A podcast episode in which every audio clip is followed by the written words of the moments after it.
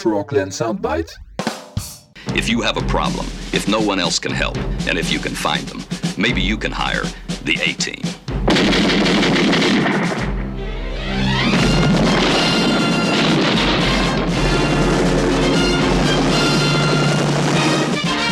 Ja, ik moet regelmatig terugdenken de laatste tijd sinds de verkiezingen aan een uitspraak van de grote Hannibal. I love it when the plan comes together. Ja, die A-team is de enige woke-serie die wel te doen is. Uh, woke? Ja, ja, want uh, BA is de rijkste van iedereen. Oh ja, en BA was trouwens ook tegen vliegen, net als Greta Thunberg. En uh, hij is lid van de LBA. T community. En waarom zou ik nou aan die A-team denken en aan die uitspraak van Hannibal? Nou ja, waarom waren die A-team nou zo succesvol? Dat was omdat ze allemaal speciale kwaliteiten hadden. BA kon heel goed mensen neermappen met een boksbeugel van platina, goud en diamanten. En het was ook een uh, verdomd goede CO2-lasser.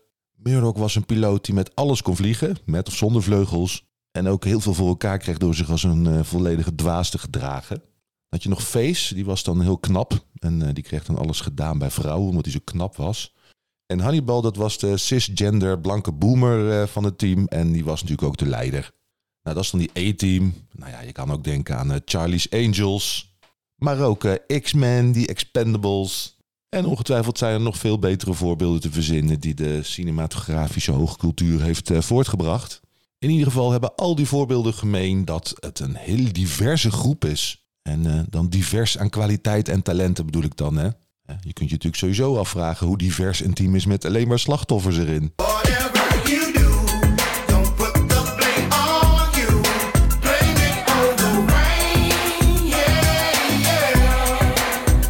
Nu die verkiezingen dan, want uh, daarom begin ik erover. Eh, net als bij iedere verkiezing zijn er winnaars en verliezers. En niet iedereen kan natuurlijk even goed tegen zijn of haar verlies. Geeft helemaal niks. Onsportiviteit is in ons liberale landje ook gewoon toegestaan. Ja, natuurlijk met dien verstande dat die onsportiviteit uh, geen legitimiteit verschaft om de winnaar om te leggen of regeringsgebouwen te bestormen. Ja, het is ook eigenlijk geen onsportiviteit wat je ziet. Het is meer het ritueel opheffen van een collectieve cognitieve dissonantie onder de progressieve verliezers. Ja, er moet toch iets mis zijn met die mensen of met die mensen waarop ze kiezen. Dat kan toch niet anders? Ja, dat is toch het risico wat je een beetje neemt als je je mening vereenzelvigt met je superieure identiteit. Sorry, ik heb geen medelijden met jullie. Dat krijg je ervan als je de rest zo onder de knoet probeert te houden. Is uh, liberal uh, washing eigenlijk een woord? Zou het wel moeten zijn, vind ik. In ieder geval zijn nu de winnaars uh, samen met de sportiefste verliezer van de verkiezingen aan het kijken of ze een kabinet kunnen vormen. Ja, met een PvdA als verkenner en informateur, dat is wel hilarisch op zich. Ja, die partijen zijn natuurlijk de PVV, NSC, BBB en VVD. Nou, dat klinkt fonetisch al lekker, toch? PVV, BBB, NSC en VVD. PVV, BBB, NSC en. Allemaal leuke partijtjes, uh, maar wel twee nieuwe en maar één met uh, regeringservaring. Dus genoeg redenen voor uh, Plasterk om met uiterste zorgvuldigheid te werk te gaan. En omdat ik het landsbelang hoog heb zitten, geef ik hem hierbij een paar nuttige handreikingen. Helemaal gestoeld op de die E-team-doctrine. Je neemt eerst als uitgangspunt alle kritiek. Ja, die PVV die grossieren in onhaalbare oplossingen.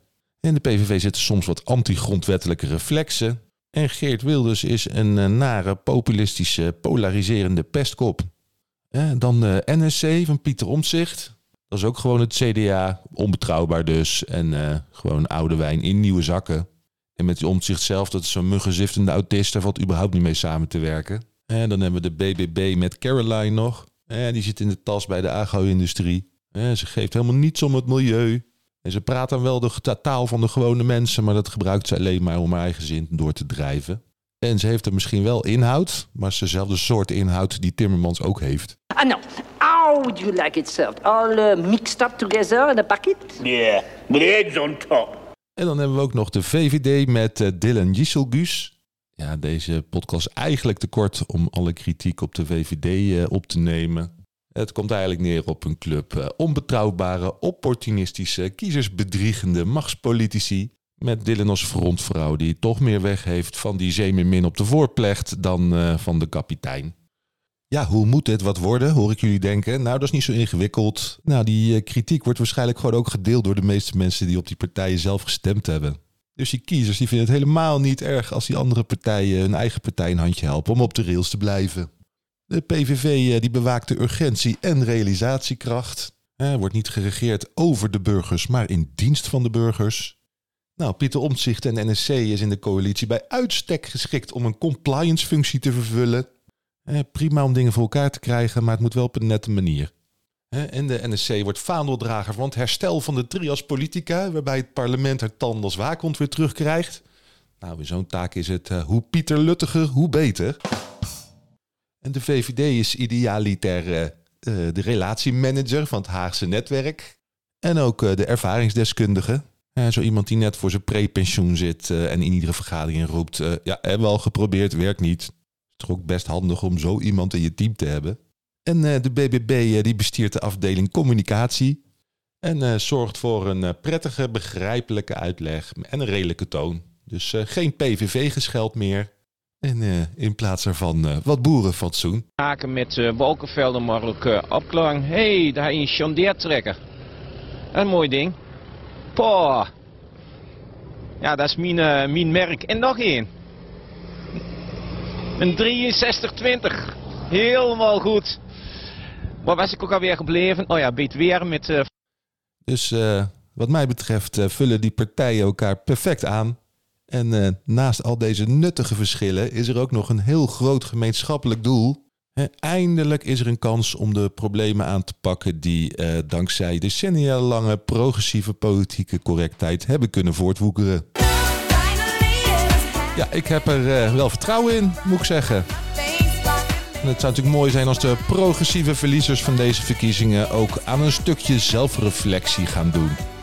In plaats van gelijk weer in die reflecties schieten van uh, de schuld ligt bij die inferieure ander.